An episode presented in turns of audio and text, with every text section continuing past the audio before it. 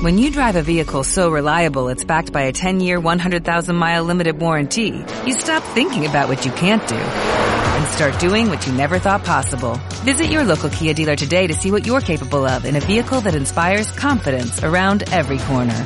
Kia, movement that inspires. Call 800-3334-KIA for details. Always drive safely. Limited inventory available. Warranties include 10-year 100,000-mile powertrain and 5-year 60,000-mile basic. Warranties are limited. See retailer for details.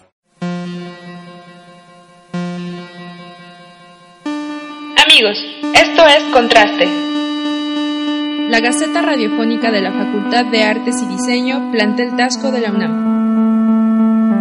En este formato presentamos charlas acerca de diferentes temáticas con los profesores que integran el cuerpo docente de nuestra facultad, así como con especialistas de las artes y el diseño. De modo que aquí abordamos y ofrecemos a ustedes diversos contenidos vinculados con estas disciplinas.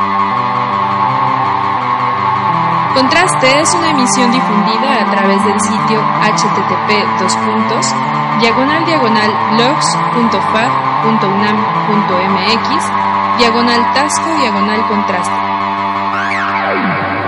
Y en Facebook nos pueden encontrar como Contraste Fab Tasco. Esto es Contraste. Adelante.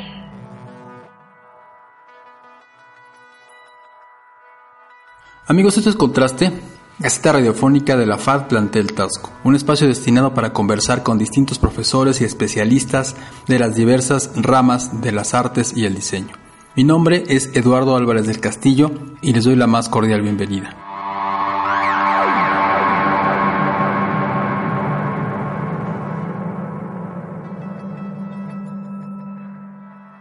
Amigos, esto es Contraste. En esta ocasión hablaremos de impresión de gran formato.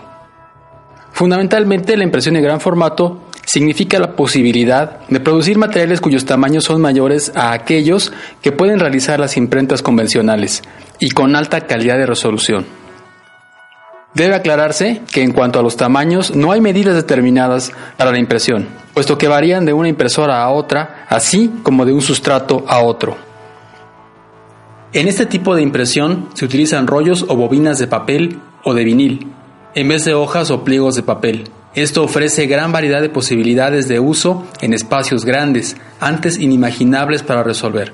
Todo ello sin olvidar la posibilidad de imprimir en superficies rígidas. Puede ser muy útil en medios publicitarios y también en señalización, o bien en algún entorno relacionado con la enseñanza.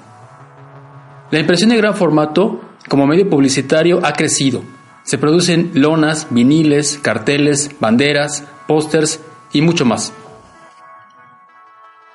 La impresión de gran formato surgió como consecuencia de las transformaciones que las artes gráficas experimentaron con los avances digitales. Deben tomarse en cuenta varias consideraciones para utilizar este tipo de impresión, es decir, las características del material a imprimir, el soporte y el tipo de espacio en el que se colocará. Imaginemos, por ejemplo, vallas publicitarias, rotulación de vehículos de reparto o en la vía pública, como pendones. Sin duda, el gran formato ofrece gran impacto visual. Es capaz tanto de promover algún producto como de ambientar espacios. En esta ocasión presentaremos la clase abierta que ofreció el diseñador Manuel Macario, egresado de nuestra facultad para los alumnos de la FAT Tasco en el pasado mes de abril de este año 2018. Adelante.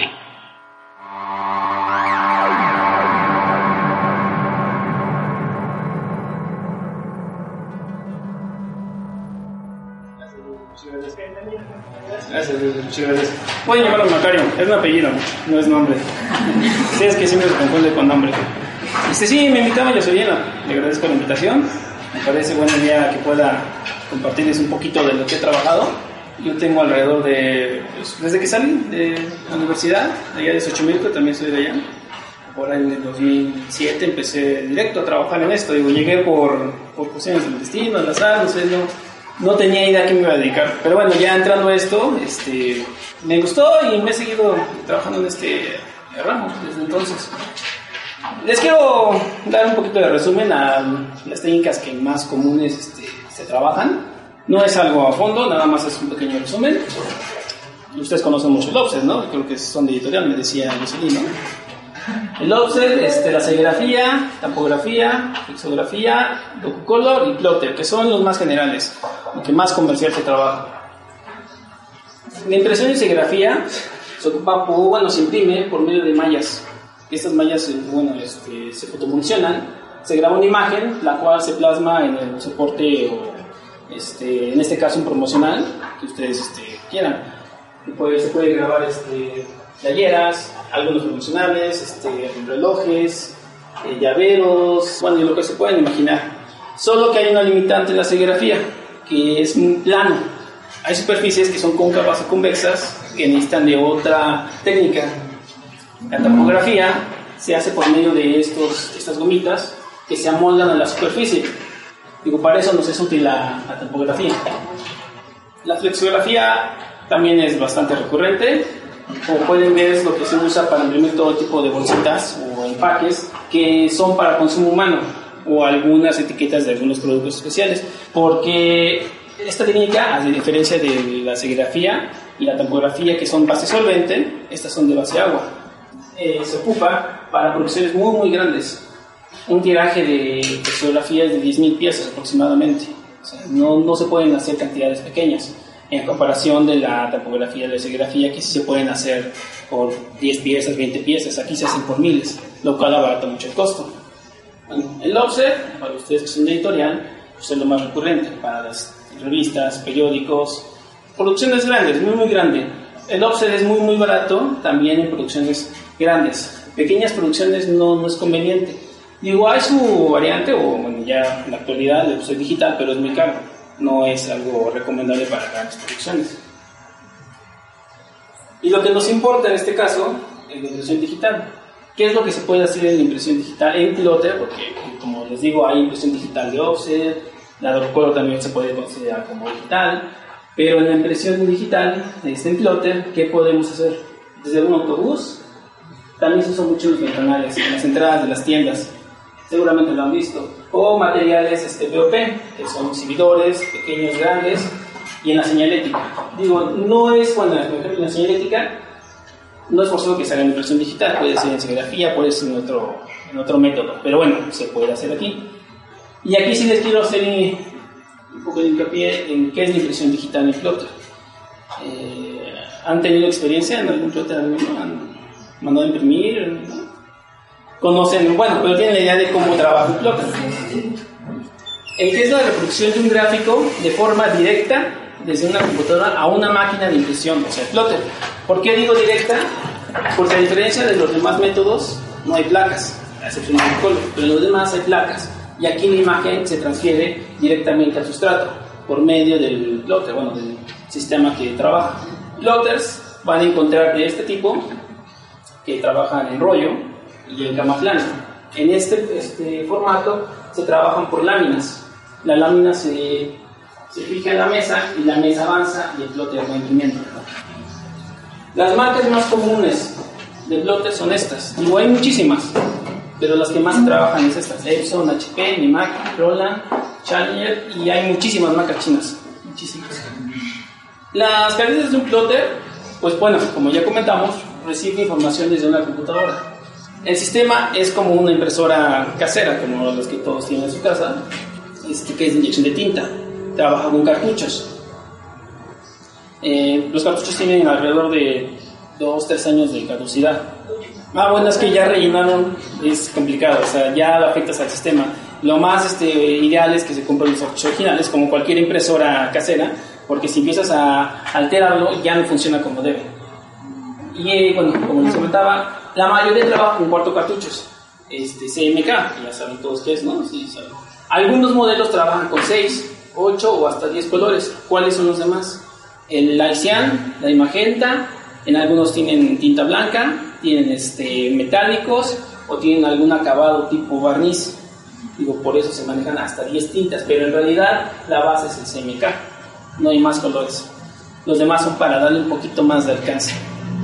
Eh, bueno, como les comentaba, eh, son cartuchos o tinta continua. Hay algunos que tienen un bote, que ya en la, actualidad es muy de moda, que nada más se rellena y sigue imprimiendo. Los sustratos de impresión pueden ser flexibles o rígidos, como les comentaba, puede ser de rollo. Y rígidos, no sé si conocen, conozcan ustedes el foam o tricel. Bueno, esos materiales se pueden imprimir directamente ahí. Otros materiales que no son para impresión, como madera. Ya se puede trabajar, yo lo resumí en pequeño, mediano y gran formato. Pequeño, eh, cosas en un exhibidor, este, un póster pequeño, una fotografía. Mediano, ya cosas que podemos ver en los supermercados, banner, este roll-up, algún exhibidor como el que les enseñaba. Y gran formato, pues espectaculares, autobuses y bueno, un sinfín de cosas. Y como les comentaba, se puede hacer impresión desde una pieza hasta una cantidad que ustedes quieran, 100, 200, 300, 1000. La ventaja aquí es que puede ser mil archivos diferentes a comparación del offset, que nada más es una para mil o más piezas. Los anchos, hay plotters muy pequeños, hay unos de 60 centímetros, hay unos de 90, hay unos de este, unos 50 y hasta 3 metros. Los 3 metros son de gran formato. Pero hay varios tipos de impresión: solvente, agua, látex y UV. Aquí lo que pasa es que la, el pigmento se fija por medio del solvente. El solvente se evapora y el pigmento se fija al material. Por eso, eh, que la base de la disolución es un solvente volátil. Cuando el solvente llega al material, se evapora y la tinta se impregna. Pero son muy olorosos. No sé si han pasado por algún taller de, de plotter. Huele muy, muy fuerte. Es el más común el solvente. Como les decía, es económico y es recomendable para cosas muy, muy grandes aunque también se puede hacer en cosas pequeñas, pero no es forzoso que tengan que ser solo formatos grandes. Y la resistencia es para exteriores o interiores, me refiero a igual cosas que van dentro, que no le afecta el sol, o cosas que van fuera, donde les va a dar el sol todo el tiempo, porque ya saben que los colores se van consumiendo con el sol. No se han fijado, pero el primero que se acaba es el rojo el magenta. Cuando las impresiones ya tienen mucho tiempo ahí, quedan azules o cian pero la tinta es altamente tóxica. Eso si uno tomara algo es muy, muy dañino. Y aparte es muy inflamable, hay que tener mucho cuidado en estas cosas. Es útil para lonas, viniles, backlight, entre otros. Ideal para alta producción, como les comentaba. Eh, generalmente, por ejemplo, bueno, en las campañas se utiliza ese tipo de impresión para los banners, este, bueno, cantidad X de publicidad para campañas políticas, etc. Ese tipo de máquinas va de 1,50 hasta 3 metros. Para 3 metros solamente hay lona, no hay otros materiales de 3 metros más que lona, lo cual nos ayuda para espectaculares, que son los más grandes. Bueno, conocen que el plotter trabaja con cabezales, como les decía, la impresora pequeña casera tiene cabezales muy pequeños. Los de la impresora de plotter son mucho más grandes. E igual tiene un sistema en un carro que va recorriendo de orilla a orilla para inyectar la tinta.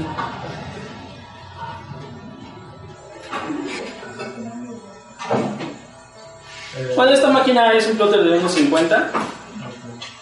Como les decía, el carro recorre de extremo a extremo, va inyectando la tinta, el material va avanzando. Eh, cada plotter trabaja con calidades. Bueno, más adelante les explico las calidades estándar que se trabaja. Hay este, plotters más pequeños eh, que son de base agua. No van a encontrar un plotter de base agua de unos 50. Generalmente son como más caseros, más de oficina, o por algunos este, casos especiales como la fotografía. Eh, no sé si han tenido la necesidad de imprimir algunos, un dibujo, una ilustración en una impresora fotográfica este, bueno, estas impresoras son para ese caso, o como les digo, eh, para algo más sencillo, más casero.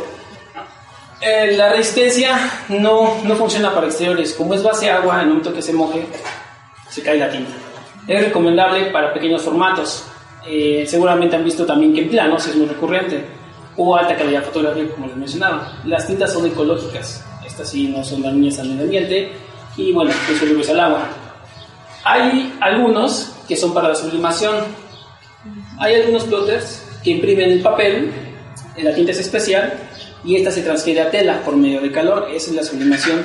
Eh, ya actualmente casi todas las sublimaciones por medio de plotter, pero en ese caso en la sublimación sí hay plotters de 1.50, eso sí, pero son especiales. Estos no son costables para grandes producciones, son para cosas pequeñas, escolares, como les comentaba. Y las máquinas son de 60 a 90 centímetros. En este solamente hay papeles. Mm, no van a encontrar una lona para base agua, es no es costeable. Papeles fotográficos, ah, tal vez algún cuché en rollo, materiales similares. Impresión látex. Esta tecnología es más o menos nueva, es exclusiva de HP. Estos sí son de base agua, pero no los incluye como base agua porque tienen polímeros de látex. Lo que, en el solvente lo que eh, fija la tinta es el solvente y aquí es el látex. Esta tinta no es este, dañina, eh, es este, ecológica, incluso en algunos países ya solo se maneja este tipo de impresión, la solvente no, como en Europa y creo en parte de Estados Unidos está prohibido ya el solvente por la cuestión de la contaminación.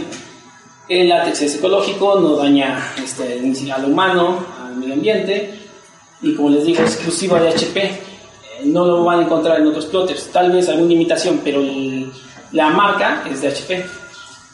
Pero esta sí resiste interiores y exteriores, eh, gracias al látex. Se fija el material y puede resistir mucho más que un solvente en el exterior y en el interior mucho más. La tinta dura mucho más tiempo. Los colores eh, a lo mejor son un poquito más apagados que en el solvente. Eh, brillo de la tinta de solvente es por eso mismo. Y aquí los colores son un poquito más mate, pero más bien son más reales. En el solvente se llegan a alterar un poquito. Igual, aquí sí puede ser recomendable para pequeño, mediano o gran formato. En máquinas de de HP hay desde unos 50 hasta 3 metros también. Es útil para lonas, para todo tipo de material, viniles, backlight, telas, entre otros. Ideal para alta producción. Hay otro, también es de HP, bueno, hay otras máquinas que son UV, otras marcas que son UV también. Aquí lo interesante es que la tinta seca al exponerse a la luz UV Aquí se pueden imprimir los rígidos o inclusive flexibles, pero lo más común es para rígidos. La resistencia también es para interiores y exteriores. Aquí no se recomienda tanto para cosas pequeñas porque el punto es más grande. En ese caso sí nos funciona el, anterior plotter porque el punto es más pequeño. Más tengo una descripción del tamaño de punto. También las son ecológicas y las máquinas van de 1.25 a 2.50. ¿Por qué? Porque el material va de 1.22 por 2.44, entonces la hoja se puede meter de 1.22 o hay máquinas que se pueden meter de 2.44. Es que lo interesante aquí es que el carro tiene la luz, entonces al momento de imprimir va exponiendo la luz ultravioleta y va secando la tinta al instante. El carro es lo mismo, es más grande, ese material es flexible, es un rollo, pero lo ideal es para ese tipo de impresiones rígidas se puede imprimir hasta dos hojas ahí en ese caso. Y como ven, la luz está en el extremo del carro, es la que va secando la tinta. Formatos de impresión, les mencionaba pequeño, mediano y gran formato. No es porque sea una ley, yo lo clasifiqué así. Pequeño formato, que tenemos en exhibidores, tenemos algunos elementos, este, generalmente están en supermercados, en algunas farmacias este, algunas obras que se reproduzcan, este, ya sea de ustedes una obra de arte, una fotografía, etc. Sticker y señalética, que es lo más común para el pequeño formato.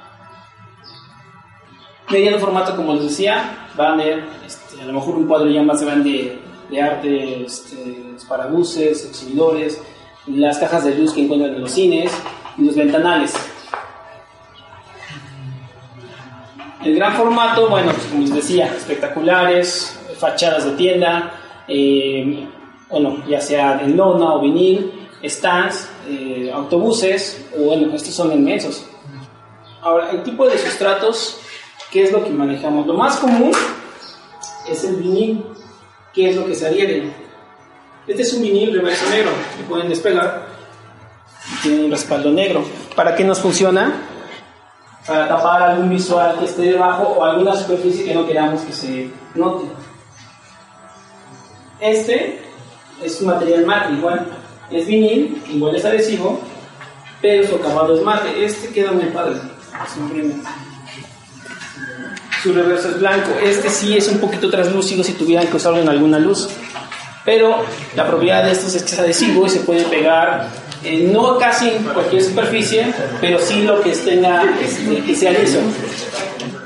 Hay otros viniles que no tienen adhesivo que se llaman electrostáticos. Solo se fijan a cristal o a algunos acrílicos. Este se puede desmontar a comparación de los otros que sí se puede desmontar pero requiere un trabajo eh, más complicado. Si es translúcido, tengan en cuenta que su impresión va a quedar transparente. Aunque, como les decía, hay máquinas hay máquinas que tienen tinta blanca, entonces podrían lograr un efecto aquí eh, de color total.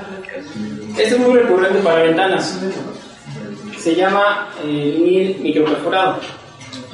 Este, como el otro, es vinil electrostático, pero es blanco. Electrostático. Esto.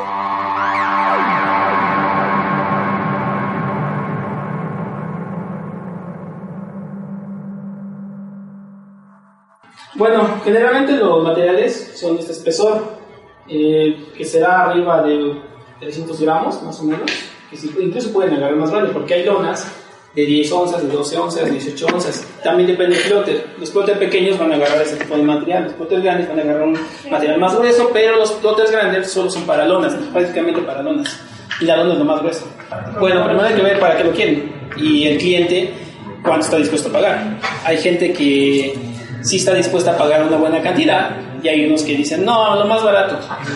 Entonces digo, se puede usar este, más poner un, eh, un visual, una pancarta. Puede ser la impresión directa, puede ser el vinil, este, puede ser este, un cuadro más especializado, puede ser un canvas. Ah, no es traje tela, pero también se puede imprimir tela en algunos plotters. Incluso pueden comprar tela de parisina y se puede imprimir en el plotter. Aunque también hay telas que son específicamente para plotters, tienen un tratamiento especial. La tela, más que nada, se imprime en látex, eh, la que les comentaba, de tipo parisina. Eh, sí tiene que tener cierto algodón, pero no forzosamente. Eh, por ejemplo, este, como les comentaba en el directo, es imprime casi la UV, imprime casi en cualquier material. Entonces sí puede imprimir en tela, solo que también nunca va a haber una comparación entre la sublimación y la impresión en un plotter. La sublimación es como la ropa que usan, eh, la tinta no se cae, la pueden lavar. En cambio, en esta si la lavan.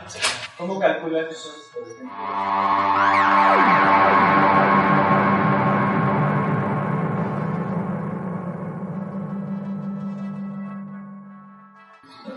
Los requerimientos de un archivo para impresión. ¿Ustedes qué saben para un archivo? Voy otra vez. Este, ¿Alguien sabe qué son los DPI? Es que esa duda existe y en el medio hay personas que tienen 10 años y aún así no comprenden bien. Se acepta en el medio, ¿no? Si tú dices, mi imagen va a 300 dpi, ah, bueno, se entiende, ¿no? Dice, está bien, pero bueno, vamos a ver. Un archivo en alta resolución, ¿de qué depende? De sus DPIs, de sus imágenes, que tengan buena resolución. Eh, ahí, bueno, ahora te explico más o menos qué es una buena resolución. Modo de color, como hablábamos, CMK, aunque hay máquinas que imprimen en RGB, yo tenía un plotter que manda a imprimir en RGB y que da mejor que CMK, pero eso depende también del plotter y de algunos ajustes. Fuentes o curvas, bueno, es de base, no tiene que tener sus textos en curvas para que no tengan una modificación eh, o sus fuentes integradas. Si van a entregar algo para imprimir, lo recomendable es que ya sean con curvas para que no sufran alteraciones. Formatos, bueno, pues Illustrator, Photoshop, EPS, TIFF, PDF, JPG, PNG, etc.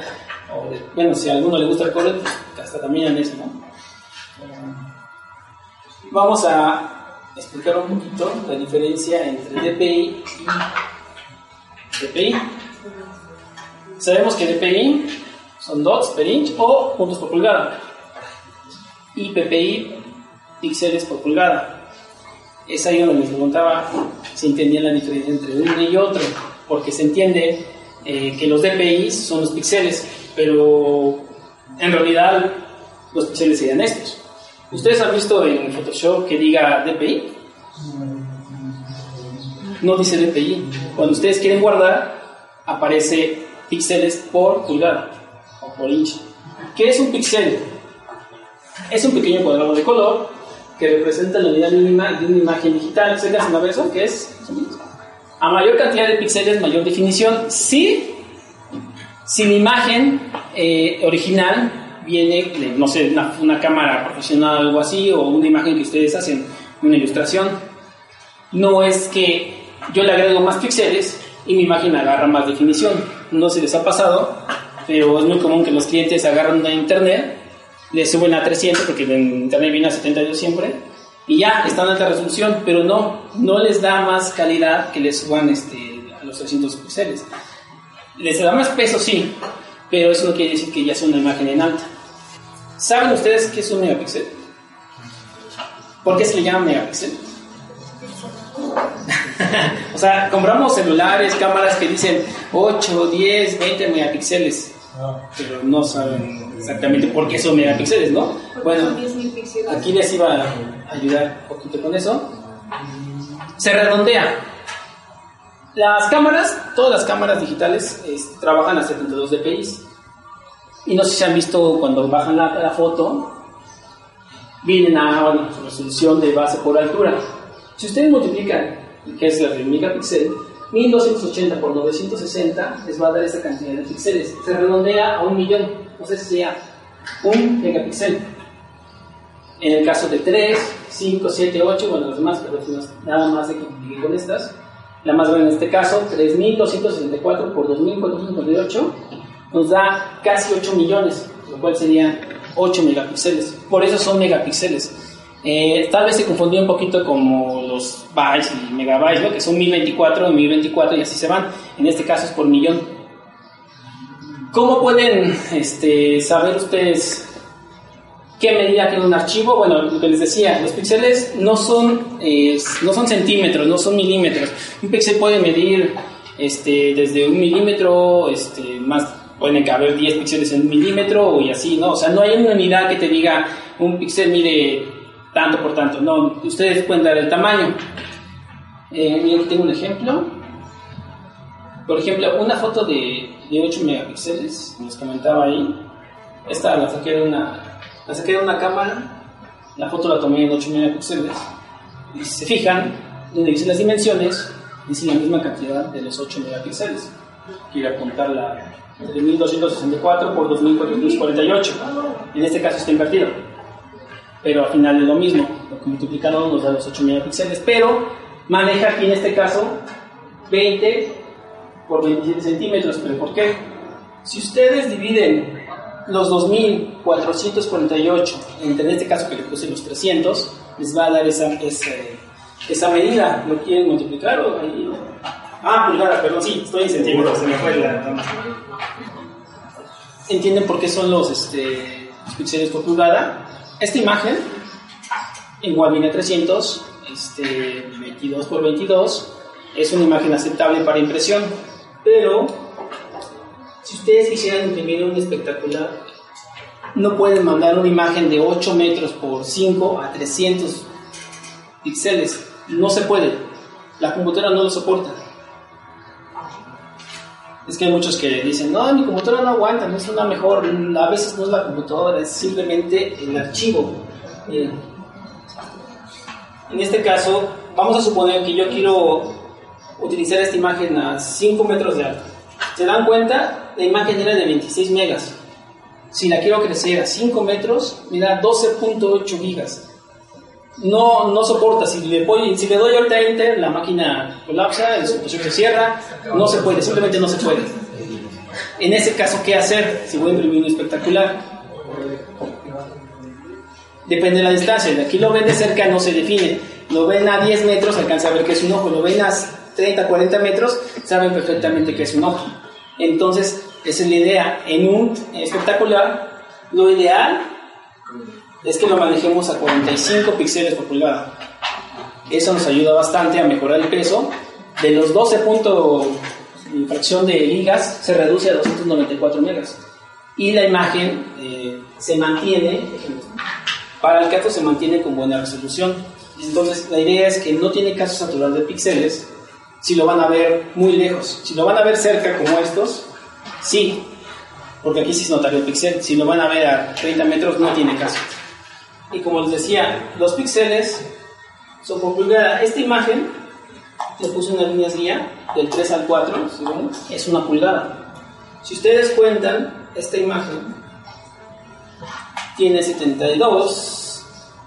La imagen, este, yo la había separado en 20 megapíxeles. Digo 20 píxeles, perdón. Si ustedes cuentan, son 20 píxeles en horizontal y en vertical. Por eso se entiende que son píxeles por pulgada. Si fueran 72, habría 72 y se para acá. Imagínense cuando son 300. Hay 300 píxeles en esto, que bueno, en realidad una pulgada es así. En el caso de los puntos, son los puntos que imprime en este caso el porque se maneja muy diferente en, este, en offset, porque ahí son tramas, líneas, etc. Pero aquí el cabezal es lo que define los puntos.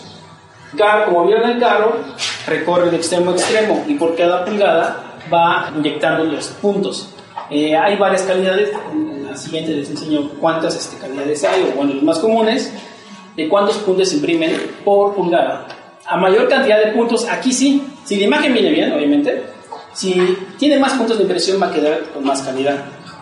Y el tamaño de puntos varía entre modelo del plotter. Los puntos se miden en picolitros. Un mililitro sabemos que es la milésima parte de un litro. Un microlitro es la millonésima parte de un mililitro. Y un picolitro es la millonésima parte de un microlitro. Entonces imagínense, los plotters de hoy imprimen 3.4 millones de gotas de 1.2 picolitros por segundo aproximadamente. Y mencionaba aquí que hace poco le están dando como 50 picolitros de inyección, pero ahora ya con la tecnología se pueden hacer más diminutos. Imagínense ese punto diminuto. ¿Cuántos tiene que inyectar el plotter para imprimir una línea de un metro, una lona de 10 metros? Imagínense la cantidad de puntos. Las calidades más comunes son de 300 por 360 720 por 720 o 1400 por 1400. Hay algunas variaciones, hay 1400 por 360, 720 por 1400, pero bueno, este es el estándar. Bueno, y esto depende también del plotter, de dónde impriman y bueno, de otros factores. Les quería hablar también del gamut. ¿Alguien ha escuchado del gamut? La, la definición es un poco complicada porque no hay algo eh, uniforme, unificado en todo lo que he buscado. Pero bueno, lo quise simplificar así. Es el espectro de color que es capaz de reproducir un dispositivo que genera una imagen. Eh, un teléfono, una pantalla, una impresora, etc. Y se representa en esta forma de herradura, con los colores rojo, azul y verde en los extremos. Y en el centro está blanco, aquí no se le mucho, pero blanco está aquí. Si se el negro no está. El negro, en este caso, sabemos que es la ausencia de luz, como en las pantallas aquí donde me preguntaban de los perfiles, es muy común que diga la gente, ¿por qué no me queda como en la pantalla? Eh, lo fácil es decir, ah, porque la pantalla es una cosa y la impresión es otra cosa, son colores luz, colores pigmento, ¿no? Pero ¿por qué? Como les decía, eh, ese es todo el rango de color que el ojo humano percibe. Aquí encontré este ejemplo con las pantallas. Las nuevas pantallas pueden dar este rango de color esas pantallas 4K o Ultra HD y no sé qué, ¿no? O algunas Mac nuevas también. Las pantallas tradicionales LCD solo dan este alcance de, de gamut, cada uno se maneja su gamut, ¿no? Y algunas pantallas, como aquí dice Samsung, este, tienen un poquito más de alcance. Pero ¿qué pasa con el CMYK? Ustedes han abierto, eh, ha pasado, ¿no? Que el perfil del archivo viene en tal, no sé qué, ¿no? Lo quiere convertir, lo quiere conservar Hablando de RGB, el Adobe RGB tiene más alcance que el sRGB. El Adobe RGB lo crearon en el 98, algo así, este, justamente para eso, da un poco más de alcance. Hay otro foto RGB, está más arriba, pero el CMYK está aquí. Entonces imagínense, o sea, el CMYK nunca va a dar. Por eso los colores CMYK son, en la comparación de la luz de las pantallas, más apagado se pueden usar algunas este, herramientas que pueden dar un poquito más de alcance, como los pantones, los colores light, algunos metálicos, etcétera, ¿no? Pero al final no va a agrandar mucho su rango. Encontré este, estos ejemplos, nada más del Japan, del Swap y del Euro. En realidad no hay mucha diferencia. Eh, bueno, igual se especifica arriba los RGB, pero pueden ver aquí el Japan, que es que trae de Follow Illustrator, me parece. No es mucha diferencia.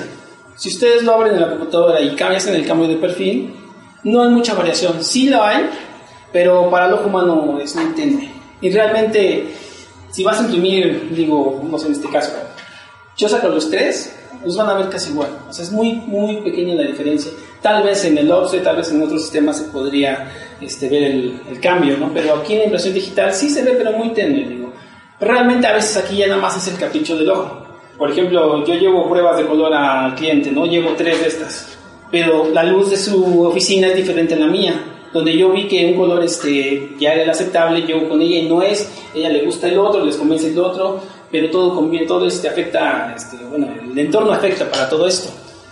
Eh, sí es bueno que sepan eh, de los perfiles de color, eh, lo aceptable es que manejen cualquiera de estos, digo, las computadoras, los plotters, manejan para impresión esos, esos perfiles de impresión, más que nada los bueno, me ha tocado a mí más que nada el software, pero pueden manejar los demás. Si ustedes tuvieran un plotter se puede configurar. Yo configuro mi computadora, mi Photoshop con el show, con el swap, mi plotter también y los colores se van a respetar mucho. Pero si ustedes llegan a un impresor, no le van a preguntar, oye, ¿qué perfil de color tienes en tu plotter? No, no. Ah, es ahí donde todo esto se complica, ¿no? Porque de nada sirve que yo haga todo esto, todo lo que mencioné, que trabajemos los DPIs, todo eso, si el plotter a donde vamos no está calibrado. De nada nos va a funcionar este, manejar una buena foto, los colores, perfiles, si el plotter va a dar mala calidad. Pero ahí sí es un riesgo. Solamente que ustedes este, quisieran pagar una prueba y depende de la producción, una cosa pequeña. Pero si fuera una producción importante, de una marca importante, ahí sí pero ahí hay que ver qué tipo de impresor, este, bueno, este, imprenta o máquina tengan para dar esos tonos. Pero al final en ese tipo de campañas uno lleva pruebas de color. Ellos tienen muchas referencias, no sé, de España, de, no sé, de otros países, y a veces quieren que se iguale el color. Pero es muy complicado. Yo siempre les digo, no, porque una, no sé en qué máquina lo imprimieron allá. Otro, allá manejan con otros perfiles el tipo de este, tinta también afecta, el sustrato, o sea, hay muchos, este, muchos factores que nos va a complicar eso. Pero bueno, se puede lograr un resultado aceptable, similar, eh, y, y, todo eso se trabaja por los perfiles. Eh, me, me, la recuerdo bien que me llegaste una vez, ¿no? hace muchos años.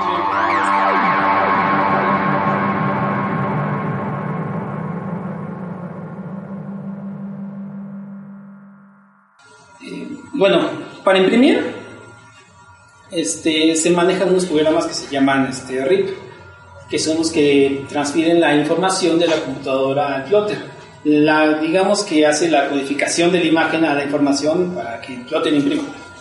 Y ahí es donde dice, este archivo tiene tal perfil, el plotter lo tiene, ah bueno, vamos a imprimirlo con este. Entonces, digo, esos son los plotters nuevos, los viejos mejor no tanto.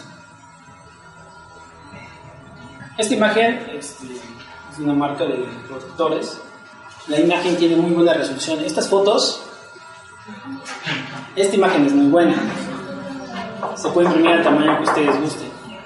Obviamente haciendo la modificación de los píxeles que les comentaba. Aquí hay un truco que este, a algún futuro les puede servir. Si ustedes toman la foto de un producto, se van a ver los puntitos. ¿Qué hacen ellos? es que si toman la foto del producto, pero ponen el logo en vectores. Y así ya se ve con más definición. Porque si ustedes tomen la foto cualquier cosa que se les antoje en macro y van a ver un buen de puntitos de impresión. O los puntos de impresión de los que hablábamos. Aquí la imagen está incrustada. Se puede manejar así. Da más peso al archivo. Pero también lo pueden manejar vinculado eh, con sus links. Como pueden ver, los, las tipografías están en curvas. Eso nos facilita el trabajo y además este, pues nos evitamos problemas de que el impresor lo modifique, etc. ¿no? Esta imagen, si se fijan, todo lo tiene incrustado, no tiene vinculado nada, pesa 903.6 megas, casi un giga. ¿Sí saben qué es un giga? ¿Cuántos megas? 1024. 1024. Y así se va, un terabyte y 24 para abajo un kilobyte, Eso pesa este archivo. Pero es muy difícil enviar un archivo. Bueno, a lo mejor no tanto, pero depende del internet, este, ancho de banda, etc. Pero por los tiempos, si ese, ese archivo ya está listo para imprimir, les voy a, en este caso de Illustrator, les puedo concentrar lo siguiente. Lo recomendable, pues sí, el DPS eh, conserva los valores, el PDF también. Pueden usar un JPG. Si se los permite el archivo, si se los permite el resultado, pueden manejar un JPG, es más rápido, es menos peso, pero pierde muchas propiedades el JPG a comparación del DPS, del, del PDF, que conserva tonos, pantones, este, algunas, este, no sé si tuviera que modificarse todavía, se puede hacer. Cuando ustedes guardan como PDF para impresión, aquí arriba hay una opción que dice calidad de prensa. Eso nos va a ayudar a comprimir el archivo, pero si ustedes dejan esta palomita aquí, conservar capacidades de impresión del Illustrator, el peso va a ser el mismo, porque no está eh, comprimiendo el archivo, lo está dejando casi tal cual, nada más está cambiando de formato de Illustrator a PDF. Entonces, si ustedes quitan esta palomita para que no haga eso, y conservan sus perfiles en salida. Aquí incluso dice, destino es el swap que trae. Incluir perfiles de destino. Eso que nos hace que va a conservar ese perfil. Si no, va a poner un CMK sin etiqueta. Si funciona, si puede salir, pero la idea es que conservemos sus perfiles. Y este archivo da como resultado un peso de 33.9 megas. O sea, de casi un giga se bajó 33.9 megas. Esto nos facilita el envío de archivo, también para impresión, porque mientras más pese, más se tarda en imprimir. Y si lo tienen que mandar por internet y es urgente, pues no es fácil mandar un archivo de 3 megas a un giga. Y además también los plotters se saturan de información. Entonces lo ideal es que siempre optimicen sus imágenes para que pueda ser funcional. Como les comentaba, digo, o sea, yo he manejado para muchos casos JPG, no, no hay tanta diferencia. Si lo quisieras comparar realmente con algo, mm, bueno, una impresión que venga de otro país, sí puede haber mucha diferencia, no tanto en definición, a lo mejor en tonos, en el rostro, etcétera, pero a veces somos demasiado exigentes. Sí se puede, sí se puede, digo, no es como que lo ideal, pero sí se puede. Bueno, mientras abre este archivo, les quiero pasar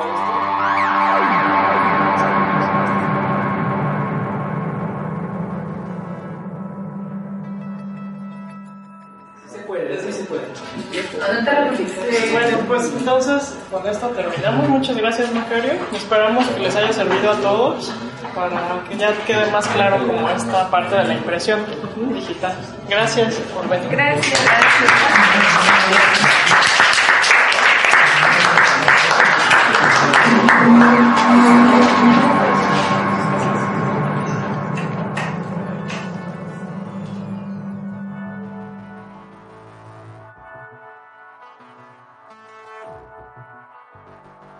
Para despedirnos, solo quiero recordar que pueden escuchar y descargar este podcast a través del link blogs.fad.unam.mx diagonal tasco diagonal contraste. Mi nombre es Eduardo Álvarez del Castillo. Hasta la próxima.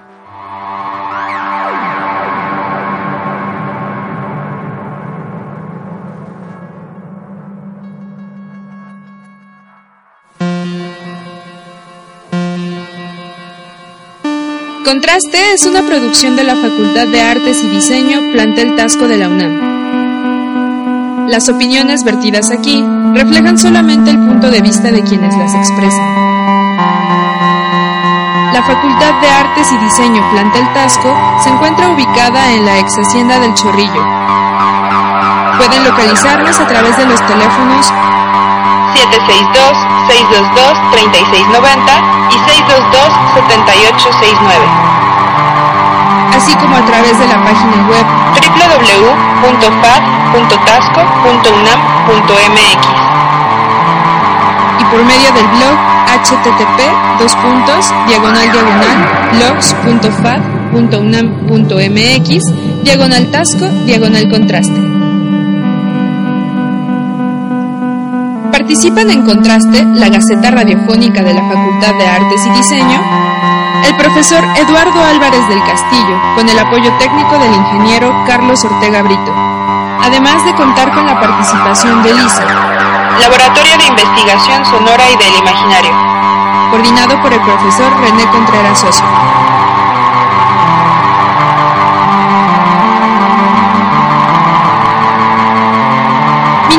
Ana Laura Hernández Vázquez. Me despido cordialmente invitándolos para escuchar la próxima emisión de Contraste.